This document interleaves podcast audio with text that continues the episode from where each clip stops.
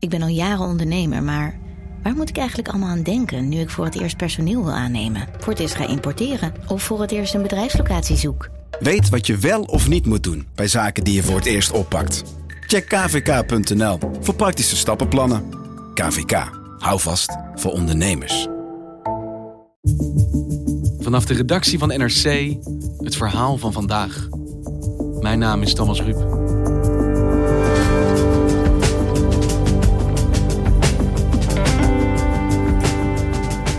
In de zomer van 2015 valt een bom op een wapenopslag in de Iraakse stad Hawija. Een enorme explosie, 70 burgerdoden.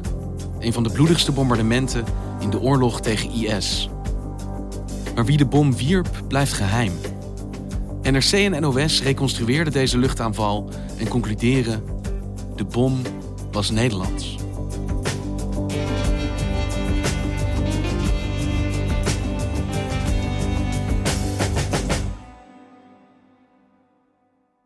Hey Kees, zou je ons eens willen meenemen naar het moment van 2 juni 2015? Wat gebeurde er? Vlak na middernacht, dus de vroege ochtend naar 3 juni, is het vrij warm, boven de 20 graden. En ehm, het is uh, aardedonker. En ineens boven een stad, Hawija, verschijnt er een bol van licht een geconcentreerde explosie. Die gevolgd wordt door een aantal vervolgknallen. En die sturen een schokgolf over dat terrein met die bergen eromheen. En vernietigen aan de rand van de stad een industrieterrein en aangrenzende woningen. Tot kilometers van dat industrieterrein. Enorm veel stof. En er is enorm veel lawaai.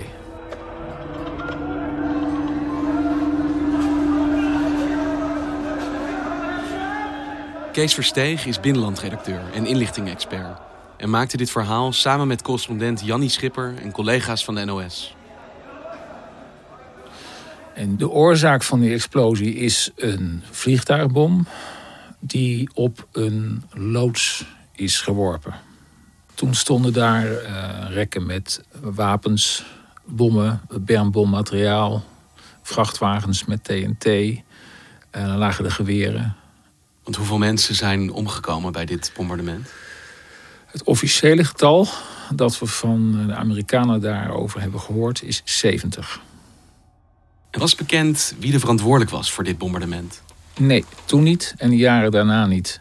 De Amerikanen houden een persconferentie, meestal na zulke afschuwelijke gebeurtenissen. Die zeggen kort wat er gebeurd is. Die zeggen dat ze rekening houden met veel burgerslachtoffers. Maar die zeggen dat het een, uh, een aanval was van de coalitie. Een coalitie die uit 14 landen bestond op dat moment. Waaronder Nederland. Waaronder Nederland.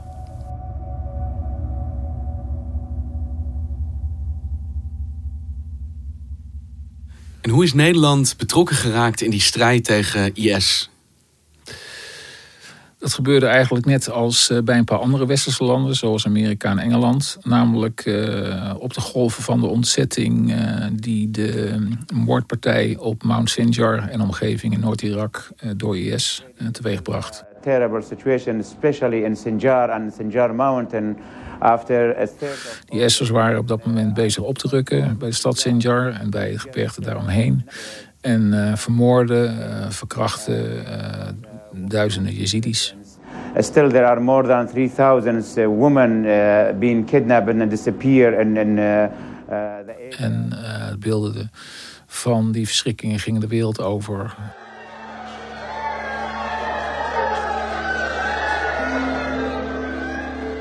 The only language understood by killers like this is the language of force. En Obama, die eigenlijk bezig was om de rol van Amerika daar kleiner te maken, die uh, voelde zich genoodzaakt om toch iets te doen. So the United States of America will work with a broad coalition to dismantle this network of death. Die heeft uh, militairen naar die berg gestuurd om de resterende Yazidis te ontzetten. I ask that you join us in this common mission. En heeft hulp gevraagd aan andere landen, waaronder Nederland. For today's children and tomorrow's. Thank you very much.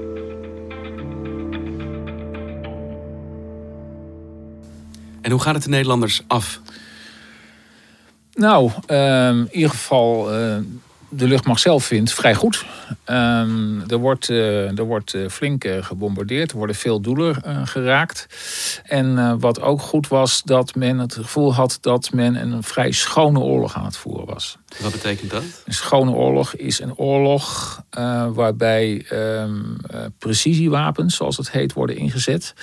Uh, met uh, kleine bommen. En uh, dat noemt men smart bombs ook wel. En kleine bommen is dat, dat, dat verwijst naar het gewicht dat ze hebben. Weinig explosief gewicht.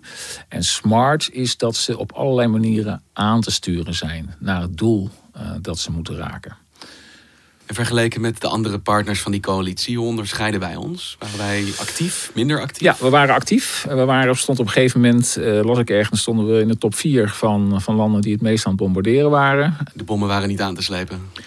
De bommen waren uh, niet aan te slepen in de zin van dat er in, uh, meen september 2015 een, uh, een verschrikte, een bijna verschrikte woordvoerder van Defensie werd geciteerd. Ik meen in Elsevier, die even kort gezegd riep help, de bommen zijn bijna op.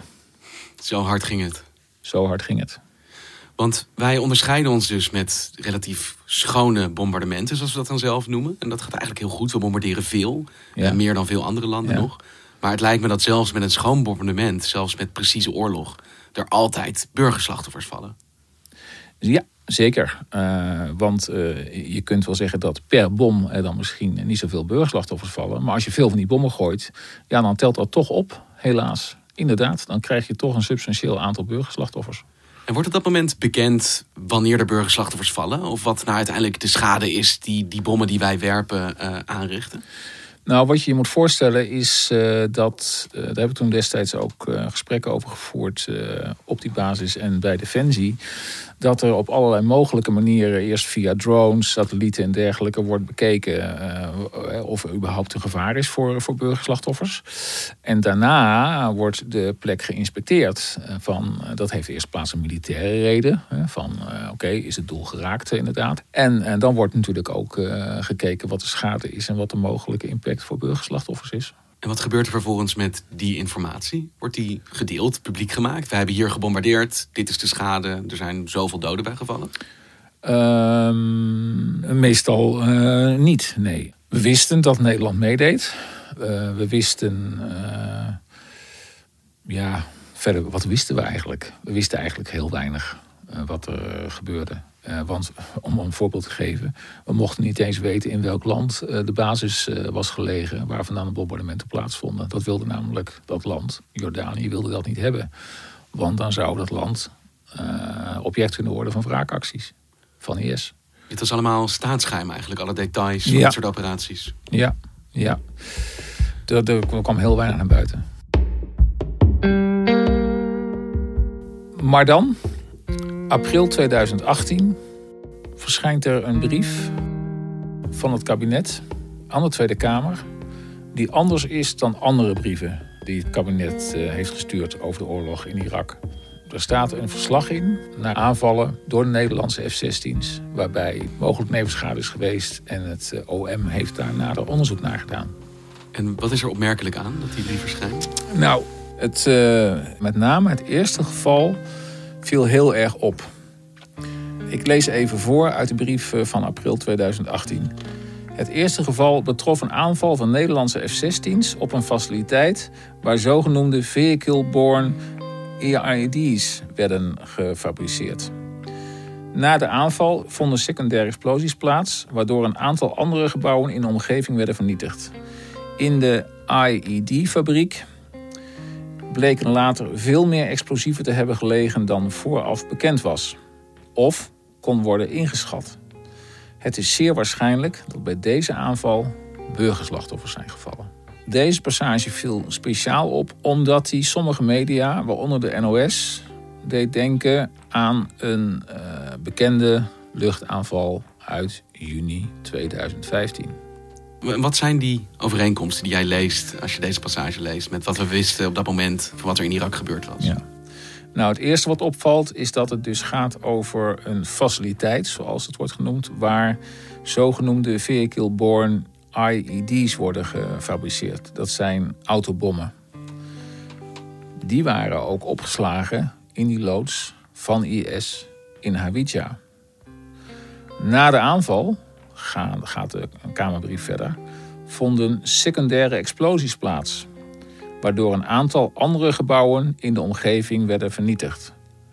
Dat is ook iets wat in Hawija gebeurde, zei het dat een aantal andere gebouwen wel een beetje een understatement is. Dus deze informatie doet de NOS eh, met name denken aan ja, die uitzonderlijke aanval uh, die in Hawija heeft plaatsgevonden. Maar was het hem ook? Konden ze daarachter komen?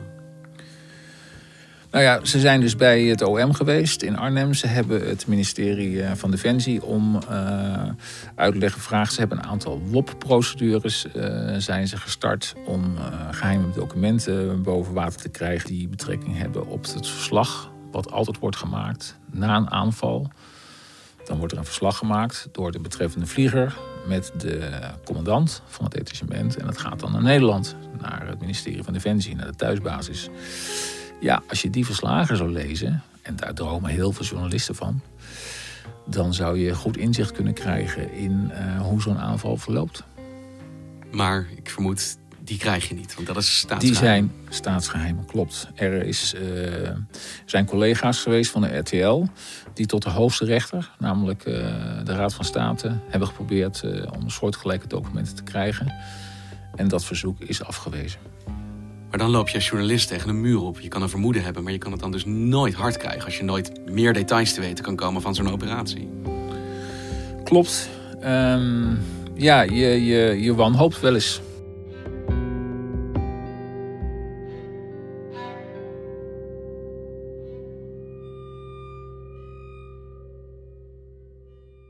Hoe ben jij dan in deze zaak terechtgekomen? Ja, op een beetje een rare manier kan ik je zeggen.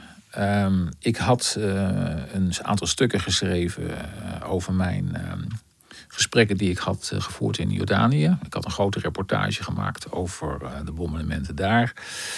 Die serie die verschenen ongeveer een jaar geleden.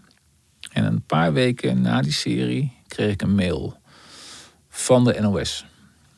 Met de vraag of ik ze kon helpen bij onderzoek naar een bepaalde luchtaanval die door Nederland zou zijn uitgevoerd. En hoe reageerde jij toen jij dat verzoek binnenkreeg? Of jij wilde helpen met dit onderzoek? Ja, met gemengde gevoelens. Aan de ene kant had ik het gevoel dat ik hun niet kon helpen, omdat het echt heel moeilijk en gevoelige materie is. Aan de andere kant werd ik ook wel geprikkeld door het verzoek. Je bent zelf met het onderwerp bezig geweest. Dus als dan zo'n verzoek komt, dan, dan wordt je journalistieke nieuwsgierigheid toch wel geprikkeld. Maar het was heel moeilijk. We, we pleegden telefoontjes. We deden natuurlijk veel online uh, onderzoek. Maar we liepen wel heel vaak tegen allerlei muren op. We zaten echt vast. Dus wat doen journalisten als ze vastzitten? Dan gaan ze in een café zitten. En dan ontstaat er opeens een idee om naar Irak te gaan. Naar de plek des onheils te gaan. Gewoon, normaal, journalistiek instinct. Ga gewoon kijken op de plek waar je over wil schrijven. En hoe toegankelijk was Irak op dat moment? Nou, ik zou je zeggen, Thomas, dat eigenlijk al een paar dagen nadat dit idee was ontstaan, uh, ik er zelf spijt van kreeg. Waarom? Dat kwam omdat ik een kaart onder ogen kreeg van een Amerikaans onderzoeksinstituut van het gebied rond Kirkuk. En uh, dat bleek hartstikke gevaarlijk nog te zijn.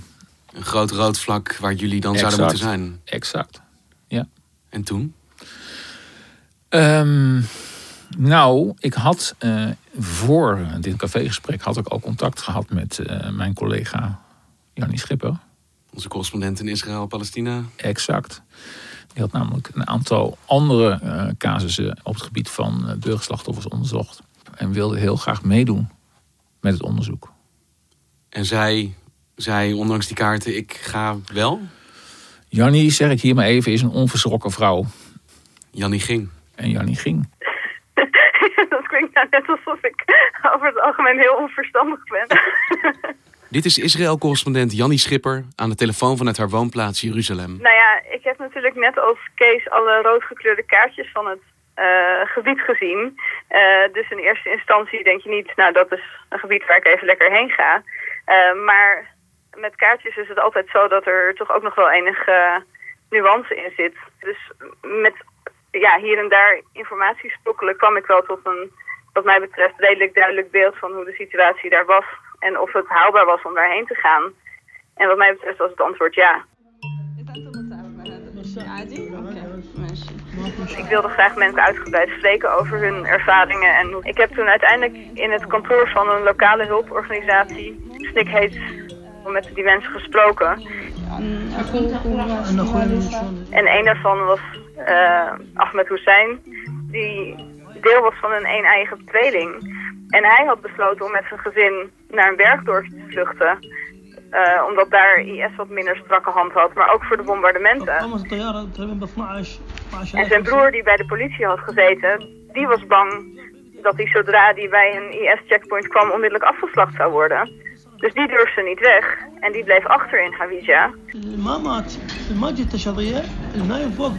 En het moment dat hij echt emotioneel werd, tranen in zijn ogen kreeg, was eigenlijk ehm, toen hij vertelde over die keuze. Van, ik heb hem nog gevraagd om mee te gaan. Eh, ik heb gezegd dat hij niet achter moest blijven. En uiteindelijk, ja, uiteindelijk heeft hij zijn broer dus nooit meer levend teruggezien nadat hij zelf gevlucht was. Die was thuis op het moment van de explosie, dus die is door een vallende dakbalk eh, waarschijnlijk in één keer omgekomen. Maar ja, het had net zo goed andersom kunnen zijn. Er is niet eh, een juist antwoord of zo. Van als je daarheen gaat, dan ben je veilig. Op een gegeven moment kwam in een woning van een lokaal contact een gezin binnen. Een vrouw en een man en een klein kindje. En die hadden eigenlijk tot nu toe elke dag nog last van die luchtaanval. Eh, de man had drie vingers verloren tijdens de explosie. Ehm, en de vrouw, eh, dat was zo'n mooie Iraakse vrouw met een, eh, een mooie jurk aan. Die vertelde ook dat tijdens IS dat allemaal zwart en volledig bedekt moest zijn. Eh, dus we konden aan haar zien dat ze echt wel in die zin bevrijd was. Maar die vrouw die eh, liet op een gegeven moment onder haar hoofddoek zien dat er allerlei rare bobbels op haar keel waren ontstaan. Naar zij zei vanaf de ochtend na die aanval, waardoor ze heel benauwd was en eigenlijk ook altijd heel moe was. إيه زوجي إنه عقد إيده البيت فلش عليه Maar ze zei er zelf over van eigenlijk denk ik ook wel dat het psychisch is. Dat ik gewoon nog steeds benauwd ben van die nacht. En gewoon die hele verstikking, ja, die zit nog steeds in haar keel.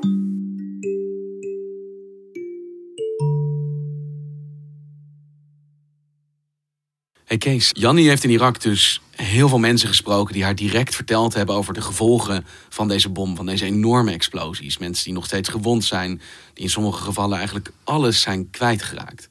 Maar de vraag die er nog boven hangt is, was dit inderdaad een Nederlandse bom? Waren wij degene die deze bom hebben afgevuurd? Ja. Nou, daar met die vraag in het achterhoofd is natuurlijk daar ook heen gegaan. En eh, op die vraag heeft ze daar in ieder geval geen antwoord kunnen vinden. Maar toen kwamen we eigenlijk uit bij een mededeling van de Amerikaanse eh, commandant na de luchtaanval. En die commandant had wat kenmerken gegeven van de, van de aanval. En die had onder andere gezegd dat de bom waar het om ging, een fairly small bomb was.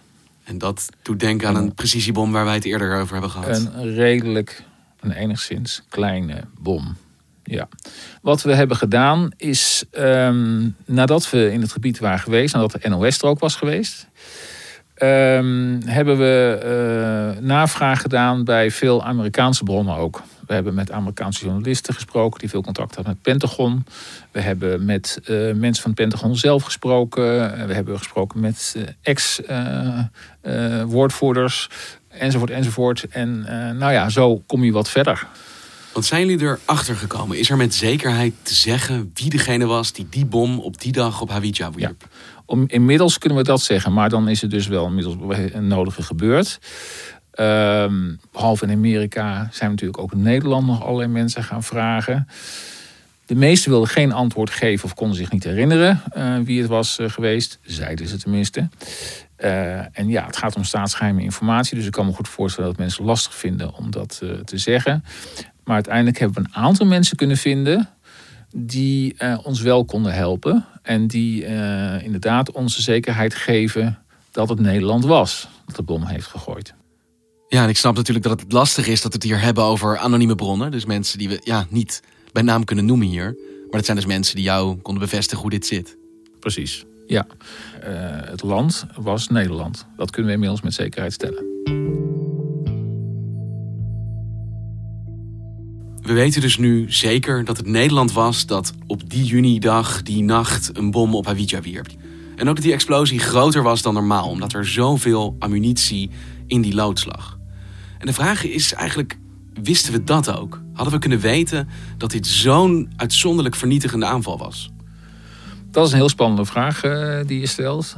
En dat is eigenlijk een vraag naar de kwaliteit van de inlichtingen. En op dat punt deed met name de NOS een belangrijke ontdekking. NOS is ook naar Irak geweest. Eh, die zijn er wat later geweest eh, dan uh, Jan Janni. Die zijn in september gegaan. En een van de spannende ontmoetingen die ze daar hadden... was met iemand die zichzelf een informant noemde. En die vertelde de NOS dat hij de, de coalitie of het Irakese leger... heeft gewaarschuwd voor de aanwezigheid van veel explosief materiaal in de opslagloods van IS. Dus in Irak uh, is de NOS iemand tegengekomen die zei: Ik ben zelf degene geweest die de coalitie heeft gewaarschuwd. Dit wordt een grote explosie. Je ja. veel meer dan, uh, dan Precies. normaal. Precies. Doe het niet misschien. Ja. ja. Maar dat betekent dus twee dingen. Uh, ten eerste dat ze die informatie hebben gekregen, maar ze hebben uiteindelijk wel gebombardeerd. Dus dat betekent ook dat ze op basis van die informatie toch hebben besloten: we gaan het alsnog doen. Ja, en dan komen we op een uh, belangrijk deel van oorlogvoering. Een van de redenen waarom we hier onderzoek naar wilden doen, is laten zien hoe ongelooflijk ingewikkeld de dilemma's zijn waar je dan voor, voor staat. Aan de ene kant zie je een militair doel van een opslagplaats waar ongelooflijk veel explosieven liggen.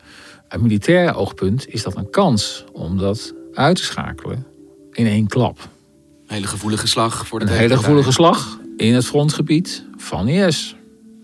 Aan de andere kant moet je er heel erg rekening mee houden dat er de nodige burgerslachtoffers zullen worden gemaakt. Dat mensen in de directe omgeving van deze opslagplaats zullen worden getroffen. Er zijn twee mogelijkheden. Of de informatie was niet deugdelijk. Bijvoorbeeld de informatie van de informant. Die klopte en die heeft, uh, heeft Nederland uh, nooit bereikt. Dat is één optie. Andere optie, die je ook onder ogen moet zien is dat er wel bepaalde informatie uh, beschikbaar was, deugdelijke informatie, maar dat het risico van burgerslachtoffers is ingecalculeerd.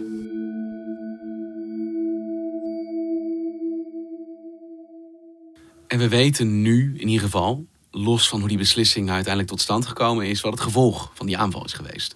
70 doden, eigenlijk een stad die grotendeels in puin is gelegd. Wie is er op dat moment verantwoordelijk voor het opbouwen van zo'n stad? Eh, worden slachtoffers gecompenseerd? Is het feit dat Nederland degene is die die bom werpt... Uh, een reden voor Nederland om daaraan bij te dragen? Ik had hierover een interessant gesprek met de baas van de strijdkrachten, Rob Bauer, uh, toen ik in Jordanië was. Die maakte zich juist hierover, wat je nu vraagt, maakte zich ernstige zorgen. Die vond dat de westerse landen zich moesten realiseren dat zij hadden meegewerkt aan de vernietiging van de infrastructuur. Op volstrekt gerechtvaardigde gronden, want ze hadden geholpen IS te, te, te uh, terug te dringen en vervolgens toch vrijwel van elkaar te vegen, op dat mm. moment althans. Maar daar staat iets tegenover, zei hij. Dat betekent dat je vervolgens interesse moet blijven houden in dat land en dat je dus mee moet helpen te herbouwen. Dan moet je expertise in stoppen. Dan moet je ook misschien wel geld in stoppen. Moet je andere middelen in stoppen. Om dat land niet aan zijn lot over te laten. En gebeurt dat ook? In ieder geval in het geval van Nou. bijvoorbeeld Hawija. Vrij weinig. Mensen die schade hebben geleden in de oorlog, eh, die kunnen in theorie een schadevergoeding krijgen van de Iraakse regering. Maar de praktijk is dus dat je dan eh, vanuit Hawija naar Kirkuk moet, 65 kilometer verderop. En ergens in een buitenwijk staat dan op een hoek een onmogelijk gebouwtje.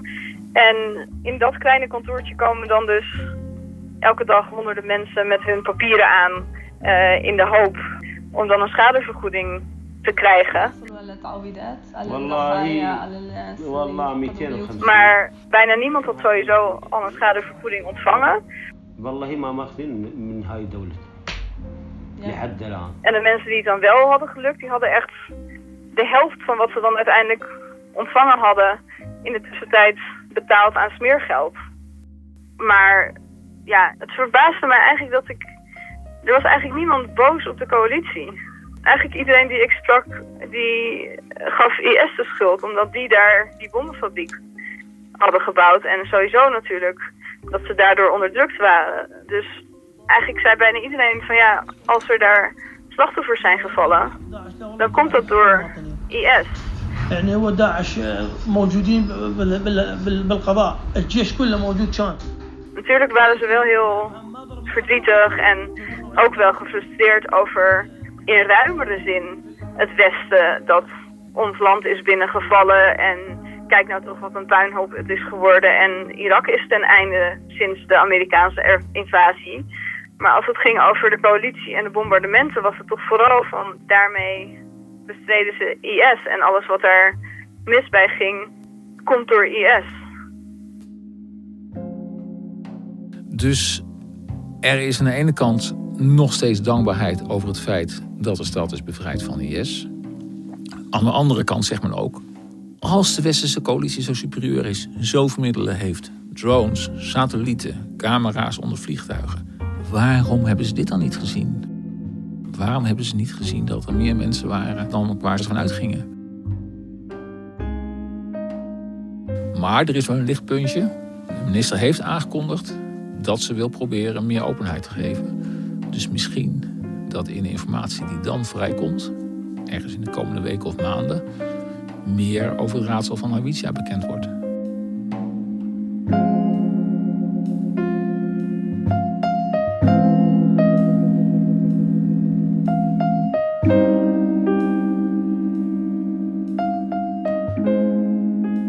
Dankjewel, Kees. Alsjeblieft, Thomas.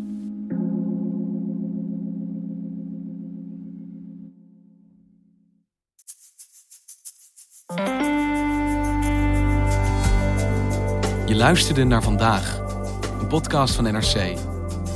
Eén verhaal, elke dag. Dit was vandaag, morgen weer.